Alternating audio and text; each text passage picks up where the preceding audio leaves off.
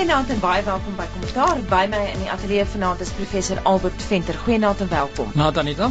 En dan gesels ons ook met Liesel Lou van die Instituut vir Sekuriteitsstudies in Pretoria, ook in die ateljee vanaand. Naand Anita, naand aan die luisteraars. Nou, dis die twee paneellede vanaand. Ons het 'n derde paneellid gehad wat op kort kennisgewing moes kanselleer. Liesel, uh, jy's nou nie 'n joernalis nie, jy's 'n oud joernalis. Werk by die SS Stories van die Week waarop die paneel besluit het. Anita, daar was heelwat stories. Natuurlik weer die ANC jeugliga. Ehm um, ons sal dalk nooit by punt uitkom waar ons nie praat oor Julius Malema en die ANC jeugliga nie. Interessante toespraak wat Mbeki ook ge gemaak het in Kenja waar ons kan praat voor uh, ehm um, jeug in Kenja wat dalk dalk of dalk nie by die ANC jeugliga stryd in Suid-Afrika inskakel.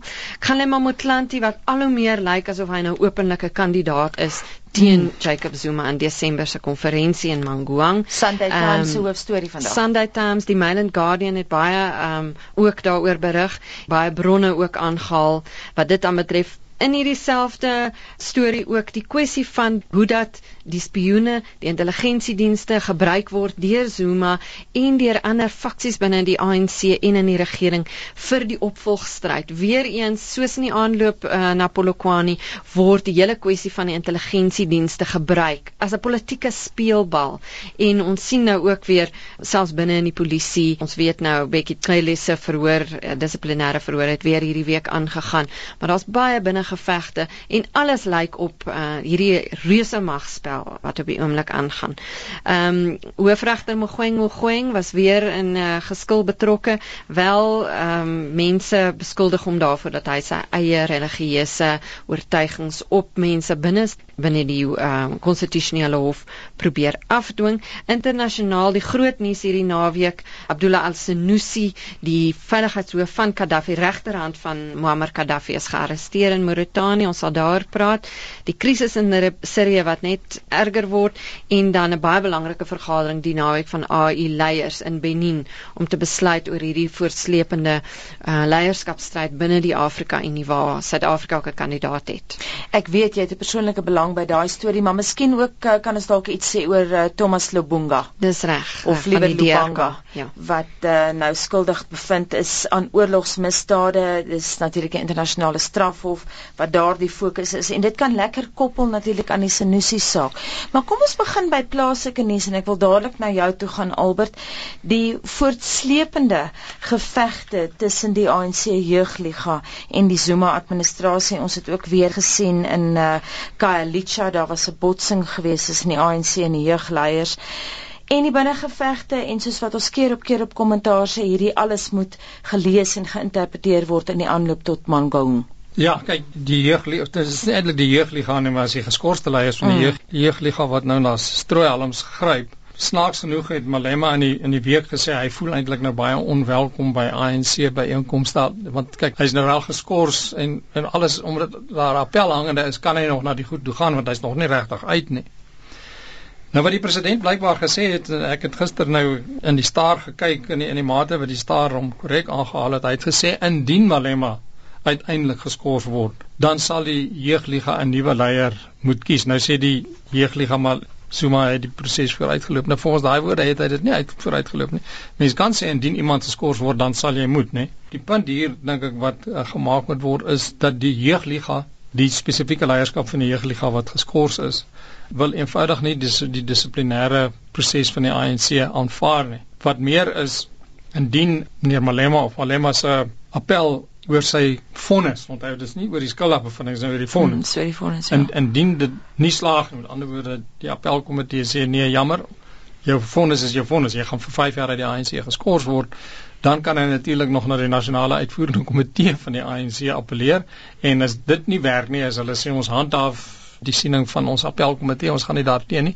En ek sou verbaas wees indien die ANC se nasionale uitvoerende komitee hulle eie appelkomitee se besluit tersyde sou stel, dan mag hy blykbaar na die nasionale konferensie van die ANC appeleer in November, Desember wanneer dit Mangaung plaasvind. Mm. So dit kan nog lank wees voor hy finaal uit die ANC geskort word.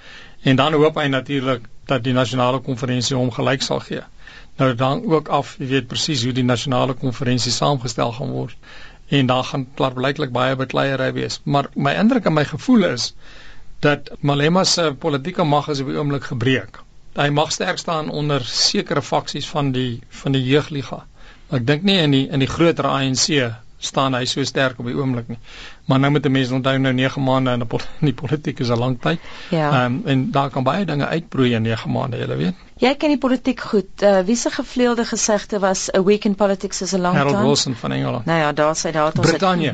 Groot-Brittanje. Groot-Brittanje. Kom ons gaan na jou toe Liesel, uh, net om hmm. terug te kom na die ANC jeugliga toe. Ek sien nou dat uh, Ronald Lamola het wel gesê dat die uh, ANC jeugliga dit oorweeg om sy appelproses terug te trek. Dink jy dit gaan gebeur? Ja, dis waarskynlik Anita. Ehm um, die ANC jeugliga, soos Albert gesê het, het nou 'n groot klap gekry. Daar is miskien minder energie om vir Malema te ondersteun kom wat wil. Ek dink die nasionale uitvoerende komitee van die ANC ken die binnengevegte binne die jeugliga en het besef Malema staan nie so sterk soos wat hy voorgee nie. Selfs binne Kusatu, ons het gesien hierdie week, daar is twis tussen Zwelinzima Wawi en die ander faksies in Kusatu oor die feit dat Malema gepraat het tydens Kusatu se groot optog verlede week. Sommige voel ehm um, dit was geregverdig en ander voel nee. Ehm um, die Zuma ondersteuners voel dat uh, Malema moes nie daai spreekbeurt gegee uh, gewees het by Kusatu nie. So die die ehm um, die feit dat Julius Malema so sterk gedissiplineer is deur die uitvoerende komitee is omdat die uitvoerende komitee weet hy is ook in sy binne sy eie binnekringe staan hy nie so sterk soos wat um, hy hy wil voorgee aan die wêreld nie waarskynlik. Met ander woorde Cyril mm. Ramaphosa kan maar rustig slaap want die ja. Sondagkoerante spekuleer nou natuurlik Malema wil hom vervang as voorsitter van die ANC se nasionale dissiplinêre appelkomitee. Ja. Hoewel aan die ander kant uh, dit is so dat die, die skommeling wat gaan plaasvind in in Mangaung indien Zuma verloor ek sal nou die eerste ene wees wat dit noem en deur Kgalema Motlanthe vervang word. Dit lyk al hoe meer asof Kgalema Motlanthe nou definitief 'n kandidaat gaan wees. Ons moet wag tot in Oktober wanneer uh, sekere van die provinsies nou hulle nominasies insit. Die spekulasie is dat plekke soos Gauteng en Limpopo vir Kgalema Motlanthe, hy het net twee provinsies se nominasie nodig hmm. om te kan staan uh, as kandidaat. Zuma natuurlik, uh, KwaZulu-Natal um, sonder enige twyfel en uh, die meeste van die ander provinsies sal hom ondersteun. Ons moet wag om te sien of daar 'n groot skommeling kan wy, gaan plaas. Ons weet Kwedi Mantashe is ook die een wat jeugliga veral wil van ontslaa raak. Mm -hmm. Ek sien Liesel dat uh, Piet Rampedi spekuleer in vanoggend se Sunday Independent oor die motief vir uh, Castle Motale van Limpopo se kabinetskuive. Hy het drie pro Zuma provinsiale kabinetslede het hy die trekpas gegee en uh, hulle spekuleer dat dit moontlik uit weerwraak was vir wat met uh, Malema gebeur het. Dit kan uh, natuurlik uh, Anita, maar ons weet ook dat Limpopo se finansies is in so toestand dat uh, daar op die oomblik nou 'n soort van 'n um, moratorium geplaas word op hulle besluite. So dis 'n baie verswakte provinsiale regering in Limpopo. En ek dink nie dit gaan baie ver gaan uh jy weet Kasamotali kan hulle jy weet hulle kan nou maar hulle besluite maak, maar um in hierdie stadium lyk dit asof die sentrale regering in elk geval en die departement uh, SARS en Pravin Gordhan het meer 'n oorhand oor wat in Limpopo gebeur. Ons gaan nog baie hieroor gesels as met aanbeweeg daar's baie stories hierdie week op die lys. Daar word ook die vraag gevra oor die DA woelinge in die DA. Ons het nou gesien dat Helen Zille aangehaal is gister. Sy sê sy is nie bekommerd oor berigte dat daar moontlike veldtog is om haar te ontroon nie. Uh, is 'n storie natuurlik wat Jan Jan Joubert nie hande gekry het Albert. Ja, kyk, die storie wat Jan Jan Joubert geskryf het in in in die afgelope week in die pers gaan daaroor dat daar veral groepe groeperinge in Gauteng is wat mevrou Zille se leierskap wil uitdaag. Maar ons weet nie wie nie. Ons weet nie wie nie. Hmm. My my vermoede is die manier wat uh, die berig geskryf is en ek is nou nie 'n binnekenner van die van die DA se binneste gevegte indien daar sou wees nie. Dis waarskynlik mense wat meer konservatief georiënteerd is as mevrou Zille. Die punt is eenvoudig net dat die DA se se DNS is liberaal en jy kan geen sterker liberale leier kry as uh, of nie maklik sterker liberale leier kry as as mevrou Zille nie. So as as hierdie groepie mense dink hulle gaan 'n meer konservatiewe leier aanwys, dan gaan hulle die DA self baie skade aandoen en ek dink mevrou Zille staan baie sterk as premier van die Wes-Kaap wat 'n sterk regerende posisie is nou om iemand aan te stel in die, in die DA wat nie om die hoofleier te wees wat nie in 'n regerende posisie is nie sal eenvoudig dom wees. Die DA is in 'n sekere sin ook 'n breë spektrum party op die oomblik want in um, in die in die week se pers was daar ook 'n meningsopname van hoeveel blankes byvoorbeeld die DA steun. 47% van blankes steun die DA. Oh nee, ekskuus nie blankes nie, Afrikaners. Wit Afrikaanssprekers, wit Afrikaners. Nou, wit Afrikaners is normaalweg uit hy is uiteindelik polities meer konservatief as wat hulle liberaal is. Hulle steun die DA omdat die DA die enigste moontlike sterk oppositie is vir die ANC. So dit gaan nie so seer oor die liberale waardes van die DA nie, maar as die DA gesien word as die suksesvolle mededinger en uitdager van die ANC en dat hulle in die Wes-Kaap twee belangrike regerings uh, die dis die plaaslike regering in Kaapstad en en die Wes-Kaap, hulle doen goed daar en uh, mense kan sien wat Afrikaanse blanke sal dink die DA is is baie goed en baie oulik en ons behoort hulle te ondersteun. Maar die punt is daar's nie groei moontlikhede vir die DA daar nie. Die groei moontlikhede lê onder opkomende swart middelklas mense wat dieselfde soort klasse belange het. Dis waarna gekyk moet word. Liesel stem jy saam? Ja, ek is nie doodseker ek stem met Albert saam dat dit gaan oor ideologie, dit gaan oor links of regs, dit is waarskynlik magspolitiek ook. Hoekom sal die DA nou nie ook binneste gevegte hê in 'n stryd binne die DA vir mag nie? Hmm. Waar is Patricia de Lille? Het ons al van haar weer gehoor sedert sy, vraag. jy weet, burgemeester geword het van Kaapstad? Helen Zille het 'n baie sterk oordonder aan persoonlikheid. Sy druk deur wie sy deur wil deurdruk as parlementêre leier.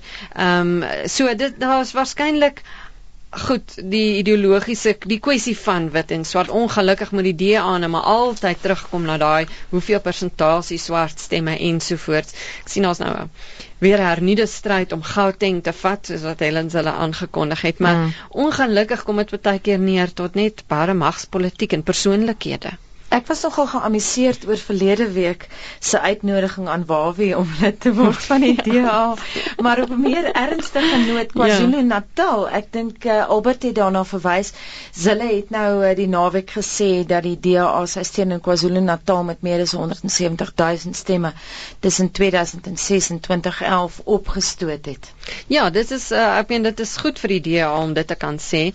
Maar natuurlik, ehm um, dit is die bastion van Jacob Zuma. Ek dink dit gaan baie moeilik wees vir die DA om daar ehm um, enigsins uh eh, inderdaad te maak soos mense sê.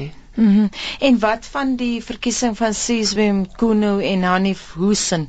Die idee om die party 'n meer swart gesig te gee. Ek dink so Anita, die die die DA kan nie wegbeweeg daarvan dat hy uh, sy sy gesig, sy beeld na buite, sy leierskap se profiel moet verander nie. Ons is in Suid-Afrika. Ons het dit al voorheen op hierdie program gesê. Ons werk met daai realiteite en dat ehm um, Helen Zille self Ehm um, jy weet sy is waarskynlik die ene die grootste struikelblok vir baie mense om vir die DA te stem. Mense wat 'n uh, swart brein, mense wat nie 'n wit leier uh, as 'n oppositieleier in Suid-Afrika wil hê nie. Ongelukkig, men uh, hoe uitstekend en hardwerkend Helen hulle nou is. Mm Albert, wil jy aansluit daar? Die uiteindelike toekoms van die DA as hulle alternatiewe regering vorm moet sogenaamd African black wees. En ehm um, dit gaan gebeur. Dit is die dilemma wat ek net nou wou probeer illustreer. Ek ek lees dit reg. Daar mag gewoon net magspolitiek wees. Ek wil net sê dat van die mense se name wat genoem is, is Trolop en Davidson gesê nie, hulle is glad nie beskikbaar vir ja. leierskap en so nie.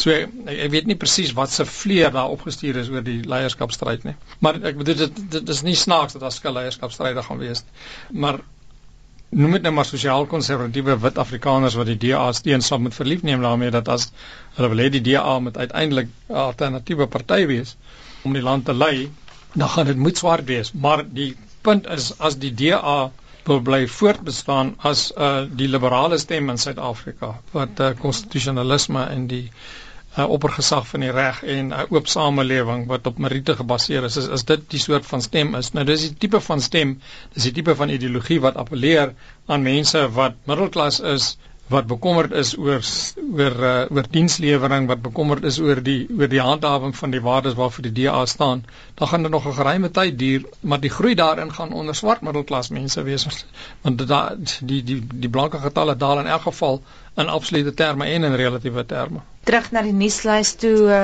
hoofregter Mogoeng Mogoeng in die nuus die week lees hom Ja, Anita, die aantuiging wat gemaak is, wel daar's e-posse na die media gestuur van ehm um, Mogoeng Mogoeng wat vir sy sy personeel en en selfs regters in die in die ehm um, konstitusionele hof gevra het om 'n leierskapskonferensie van John Maxwell by te woon. Nou 'n uh, charismatiese Christen, ons weet Mogoeng Mogoeng is uh, lid van hierdie charismatiese kerke. Hy's 'n oortuigde Christen, 'n leuke priester, dink ek, 'n leuke prediker, soos mense sê. Ehm um, dis ironies omdat mens kyk terug na die uh, ou apartheid era waar die NG Kerk natuurlik die politiek gedomeineer het en dat die hmm. Broederbond en so aan uit die NG Kerk gekom het. Hier kom ons nou weer met 'n uit 'n ander hoek uit ehm um, van die die charismatiese kerke. Ek weet nie in, in watter mate dit regtig skadelik is per se nie. Die groot kommer van mense toe Mogoeng Mogoeng ehm um, verkies is tydens sy onderhoud en die kommentaar wat daar was, die die kommer was dat sy ehm um, geloofs-oortuigings sou inmeng met die besluite van hom as hoofregter. Dit wil sê kwessies soos abortus, die regte van vrouens waar van die charismatiese kerke is noodwendig baie keer meer konservatief, mm. meer regs. Hulle kom almal uit die Amerikaanse tradisie, die ehm um, charismatiese evangelistiese tradisie uh, in Amerika. So die feit dat hy nou Ehm um, goed dis dis vreemd dis amper afwekkend soos ek sê dat hy nou vir mense nie net uh aanbeveel nie maar beveel om nou konferensies by te woon van van ehm um, religieuse Christen uh, ehm uh, uh, leiers is uh is kommerwekkend maar ek dink dit is nie 'n konkrete voorbeeld van in die jongste tyd waar dit uh, sy geloofs-oortuigings inmeng met besluite van die uh, grondwetlike hof nie. En dan natuurlik ook belangrik hier uh, om uit te wys dat sy woordvoerder Lulama Luti gister ontken het dat daar opdrag gegee is, maar ek wil net terugkom hmm. na die reaksie wat dit in die media ontlont het. As mens byvoorbeeld kyk Albert na hoofartikel in Vrydag se Staar wat geskryf het soos Liesel nou tereg gesê het op 'n tyd was die staat se mag om aan sy burgers te dikteer waarin om te glo algemeen aanvaar maar soos wat die koerant dit nogal komies gestel het later that view ceased to be imposed by rack and thumb screw hmm. ja hier herinner my bietjie aan die sogenaamde cultural wars van Amerika die kultuuroorloë en dit gaan oor sosiale konservatisme en klaarblyklik is die huidige hoofregter sosiaal konservatief en uh, Liesel het dit baie goed uiteengesit Ehm um, uit die berigte wat ek gelees het het ook gebleik dat die regter dit nie opdrag gegee nie, hy het aangemoedig. En die ander een wat ek natuurlik oor sien dis is hierdie een dag, twee dag leierskapskonferensies en dit van jou 'n beter leier maak. Uh, ongelukkig doen dit nie, maak dit nie so nie. Anders was ons almal al baie goeie leiers. Uh soos hierdie een soos hierdie eendag wonders gewees het. Ehm um, ek het um, daar was 'n brief van een van die Afrikaanse koerante in die loop van die week wat gesê het meneer Maxwell is nie so vreeslike Bible thumping Bible belt type of Americans soos die Engelse dit sou of die Amerikaners dit sou noem nie. Ek het toe na die webwerf gekyk. Hy is blyklik 'n baie bekende spreker. Sy boeke word oral gebruik ook deur respekteerbare universiteite. So ek is nie heeltemal seker of dit nie dalk 'n storm in die teekoppie is nie en of daar 'n dieper liggende agenda is om die hoofregter by te kom omdat daar dalk ander indiskresies is wat hy gepleeg het binne die regbank self deur sê nou maar regters aan te moedig na ontbyte waar daar gebid gaan word en so aan. Mense weet nie, mense het nie binne inligting daaroor nie. Ehm um, hierdie lyk vir my effens onskuldig in die sin van dat hy uh leierskap probeer aanmoedig het en miskien nie heeltemal die beste spreker gekies het nie. Vir my is die probleem egter, jy weet, ehm um, soos wat ek gesê het, skei eendag kursusse oor leierskap lyk dit my is nie vreeslik baie werd nie. Hmm. En mense in die eerste plek nie ordentlike leiers aanstel. Mense kan partykeer mense se vaardighede slyp, maar jy kan nie jy kan nie van iemand 'n leier maak deur hom eendag na 'n kursus toe te stuur nie. Na jou toe, mm. ek weet 'n saak en 'n storie wat jou nogal na in die hart staan. Daar is nou hierdie week 'n besluit geneem op 'n vergadering van 'n spesiale komitee van 8 state dat Suid-Afrika en Gabon samesprekings moet voer om 'n moontlike oplossing te kry vir die dooiepunt om die stryd om die posisie van die voorsitter van die Afrika Unie Kommissie. Ek weet jy stel baie daaraan belang en jy het dit baie nou dopgehou en gemoniteer. Ja. Self baie daaroor geskryf. Ja, Anita, ek was daar in Addis Ababa in Januarie toe die uh, leierskapsstryd nou aan die gang was en ons minister van binnelandse sake natuurlik Nkosazana Dlamini Zuma was een van die kandidate en Jean Ping van Gabon is die uh, um, vorige die sittende uh, ja. sittende mm. kan ek sê um outgoing soos ons sê in Engels voorsitter van die Afrika Unie Kommissie wat 'n sleutelpos is. Daar was 'n dooiepunt by daai stemmery in Januarie en dit was 'n verleentheid vir Suid-Afrika omdat Suid-Afrika gedink het wel ons kom met ons mag en ons invloed en Nkosazana Dlamini Zuma sal die steun hê van die meerderheid Afrika lande op die kontinent. Staatshoofde stem in 'n geheime stemming. Toe het hulle besef hierdie is 'n kwessie wat die kontinent verdeel en daar's 'n komitee van 8 staatshoofde bymekaar gesit om nou oor hierdie kwessie te debatteer. Hulle het gister in Benin ontmoet. Jy Bonnie is die voorsitter van die ehm um, Afrika Unie uh, roterende voorsitter op die oomblik, die president van Benin. En ongelukkig was daar nou alweer nie 'n besluit geneem nie. En die Afrika Unie het gesê teen die volgende verkiesing is die 30ste Junie in Lilongwe in Malawi, dan moet hulle 'n besluit hê oor wie is die Afrika voorsitter. Nou die Benin konferensie van gister was veronderstel om op een of ander manier 'n aanduiding te gee mag Nkosazana Dlamini Zuma weer 'n kandidaat wees soos wat Suid-Afrika aangedui het ons wil hê sy wil 'n kandidaat wees mag Jean Ping weer staan dit voel vir my persoonlik dit maak nie sin dat dieselfde twee mense wat nie 'n 2/3 meerderheid stem gekry het in Januarie nou in Junie weer moet staan nie want eh, jy weet niks het verander tussen Januarie en Junie nie. En tog dink Suid-Afrika ons sy moet nou weer 'n kandidaat wees. Ons gaan 'n beter veldtog loods om haar te bemark in Afrika, veral in Franssprekende Afrika. Die minister eh uh, Kwane Mashabane is alreeds besig om uh, onderhoude te gee in die Franse media so Jeune Afrique en so aan. Daar's 'n veldtog om Kossazana Dlamini Zuma hoof van die AU kommissie te maak. So ons ons is nou weer sit nou weer met 'n situasie waar die besluit geneem is ja, Suid-Afrika en Gabon moet onderhandel. Wat beteken dit? Daar gaan agter die skerms uh, onder ehm um, agtergeslote deure besluite gemaak word. Dit gaan 'n jy weet 'n give and take wees. Suid-Afrika gaan sê, "Goed, ons gee hulle dit. John Pink kan bly vir nog 6 maande, maar dan moet Nkosazana Dlamini Zuma aangaan." Jy weet, dis baie ondemokraties ook hierdie storie. So hmm. daar's 'n daar's 'n ongelooflike magspel aan die gang agter geslote deure en ons sal dalk moet wag tot Junie om te weet wat gaan gebeur. nou moet ons ook vir luisteraars sê voor ons op die lig gegaan het het uh, Albert met sy tong baie stewig in die kies gesê, "Miskien moet ons Liesel vir Nigerië kry om vir ons te help stem."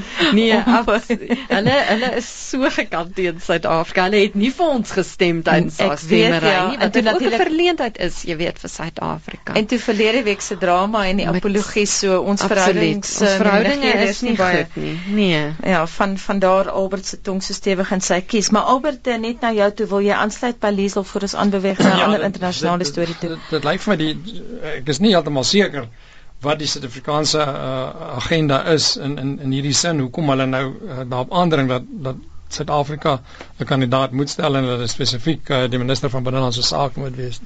My gevoel is ek stem met Liesel saam niks het regtig verander nie.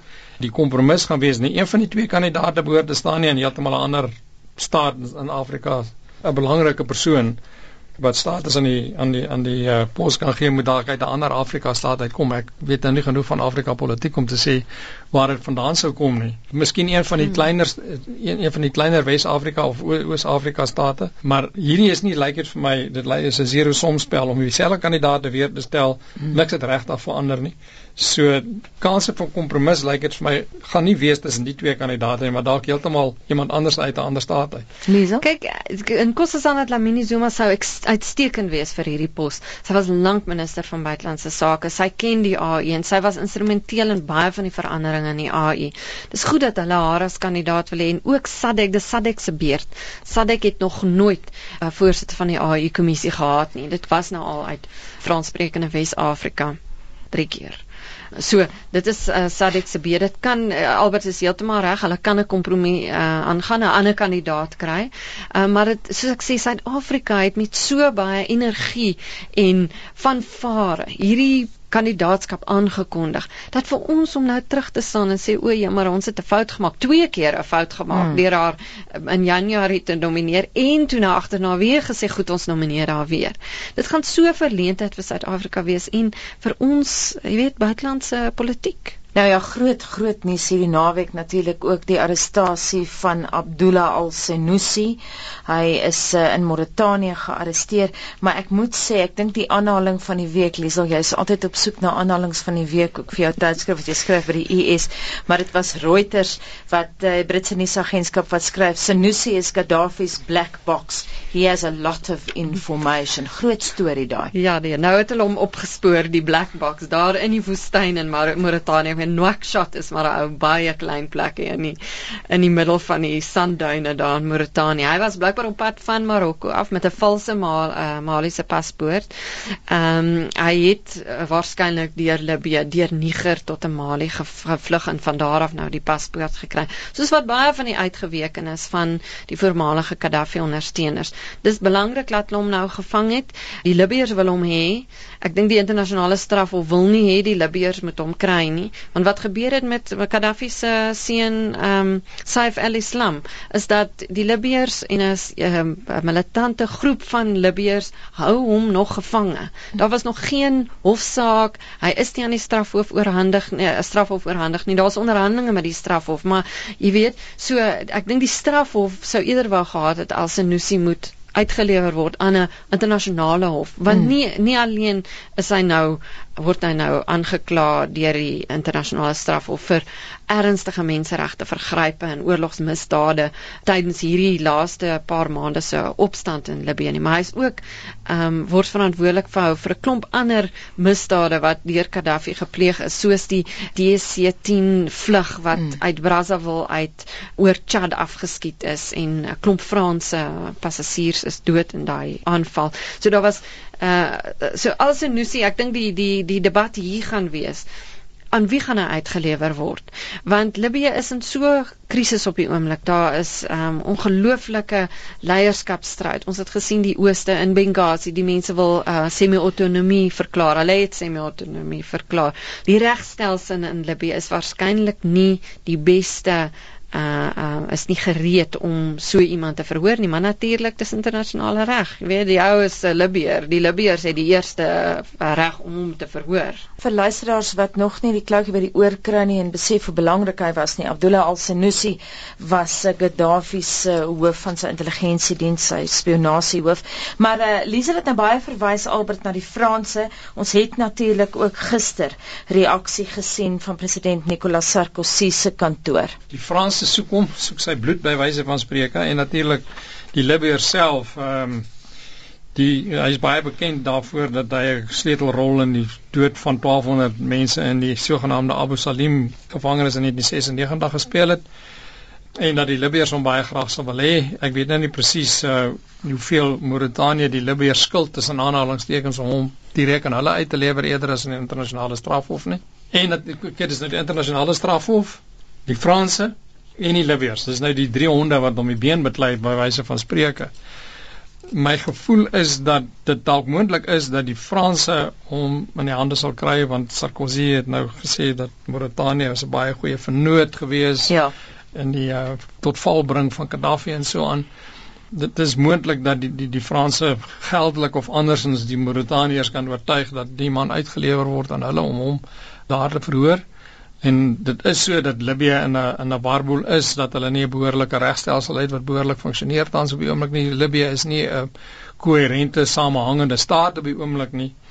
Ek dink nie Gaddafi se seun het enige kans om uitgelewer te word in in hierdie geval nie. Die Libiërs gaan aan hom vasklou tensy hulle op 'n ander manier oortuig kan word. Ek is nie heeltemal seker watter manier hulle oortuig kan word.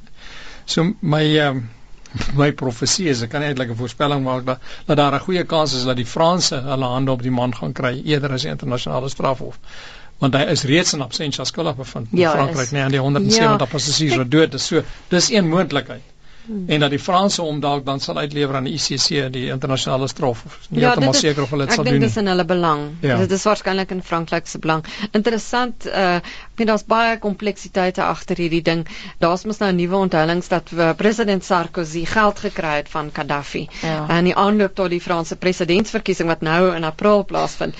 en almal sê nou wel dis ook baie goed vir Sarkozy dat Muammar Gaddafi nie oorleef het nie. En dis een van die redes hoekom hulle nie wil hê die seun moet voor die Franse presidentsverkiesing nou daar in Den Haag gaan opstaan en allerlei mm. verklaringe maak nie. Dis alles spekulasie, maar dit is baie kompleks, jy weet. Wie word dan wie uitgelewer en wie word toegelaat om te praat? Die ouens weet baie. Libië het baie wapens gekoop van plekke. Baie geld uitgedeel aan klomp mense soos ons weet selfs in Suid-Afrika.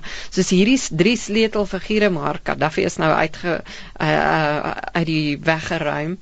Saif al-Islam sit daar iewers in die woestyn het met 'n klomp gewapende ouens rondom hom en Al-Sanusi is nou is nou gevang en almal van hulle het ongelooflik baie geheime wat baie verleentheid kan veroorsaak aan mense op baie belangrike plekke. Lees ons reg wat dit betref behalwe die die prosesse van die internasionale strafhof loop baie stadig hierdie man van die Kongo wat verlede week skuldig bevind is aan oorlogsmisdade.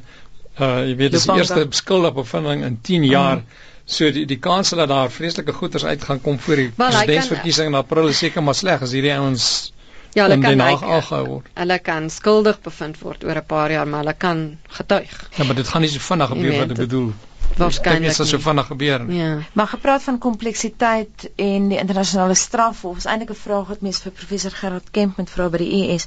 Maar uh, Mauritanië natuurlik Liesel het nooit die uh, Rome statuut onderteken nie, nee. Dis ook 'n belangrike punt om dop te hou. Dis die ding. So uh, die VN resolusie 1970 van verlede jaar wat sê dat Gaddafi as Senussi en Saif al-Islam uitgelewer moet word aan die strafhof indien hulle gevang word, is nou nie bindend op Mauritanië nie maar uh, soos al wat gesê dit was om die waarheid sê Franse intelligensie dienste wat in Mauritanië was wat hom herken het saam met die uh, Mauritaniërs. So, jy weet uh, die as Mauritanië nou weier om vir alsinosie uit te lewer aan die internasionale gemeenskap of aan Frankryk, sou dit ek dink mense sou verbaas wees. Mauritanië was die president van Mauritanië was een van 'n groep van 5 staatshoofde wat saam met Zuma moes besluit oor Gaddafi, uh, jy weet die uh, AU staatshoofde. En uh, Mauritanië was nie ten gunste daarvan dat Gaddafi aanbly as staatshoof nie. So, jy weet, um, ek dink ek dink waarskynlik sal um, sal Frankryk hom kry of die internasionale gemeenskap sal hom kry maar ek dink ek jy weet ons um, internasionale regsouens by die ISS sal vir jou kan sê dat die land aan wie daai persoon behoort natuurlik het eerste reg volgens die Rome statuut het die land waarvan daai persoon uh, afkomstig is eerste reg om 'n persoon te verhoor So dan nou af watter uh, greep sal ons mens maar sê die nuwe owerheid in Libië op Mauritanië het. En Liesel, dit sluit alles baie lekker aan by uh, die Kongolese krygsheer Thomas Lubanga Dilo en hierdie week se beslissing deur die internasionale strafhof. Hulle praat van 'n maksimum van 30 jaar in die tronk vir oorlogsmisdade veral natuurlik teen kinders. Ja, dis baie wreed en hier wat gebeur het in die Ituri provinsie van die ooste van die DRK nou vir baie jare. So dit is goed dat die internasionale strafhof nou sy eerste bevinding gemaak het. Ehm um, Thomas Lubanga is net een van die mense wat uit die ooste van die DRK gesoek word. Boskon Tanganda is 'n ander een wat nou om die waarheid te sê opgeneem is in die DRK se weermag waar daar is 'n uh, lasbrief vir sy arrestasie ook uit. Hy is ook een van die ouens wat vreeslik kindersoldate gebruik het, veldtogte uitgestuur het na klein dorpies waar sodat opsetlik vrouens verkragt kan word. Ehm um, daar's die die wreedheid wat plaasgevind het in die ooste van die DRK seker ongekend op die Afrika kontinent uh in die laaste paar jaar. So die die internasionale strafhof begin geloofwaardigheid kry ons weet daar's nog steeds baie toesie Amerikaners boikot nog steeds die mm. internasionale strafhof maar soos wat tyd aangaan en soos wat daar al hoe meer bevindinge gemaak word waarskynlik gaan die strafhof die plek wees waar die geveg sal plaasvind teen oorlogsmisdade en teen ernstige menseregte misdrywe soos in die ooste van die DRK. En ook interessant dat uh, Luis Moreno Ocampo hierdie week gesê dit is byna onmoontlik om 'n straf te bepaal vir 'n man wat hom aan soveel misdade skuldig gemaak het. Ja, hy moet uh, beslis lewenslange tronkstraf kry. Baie dankie die laaste woord vanaand daar aan Liesel Lou, sy is natuurlik van die Instituut vir Sekuriteitsstudies in Pretoria. Baie dankie dat jy ateljee toe gekom het. Plesier Anita. En dan baie dankie aan professor Albert Venter. Baie dankie vir die saamgesels. Dankie Anita, goeie nag aan die luisteraars.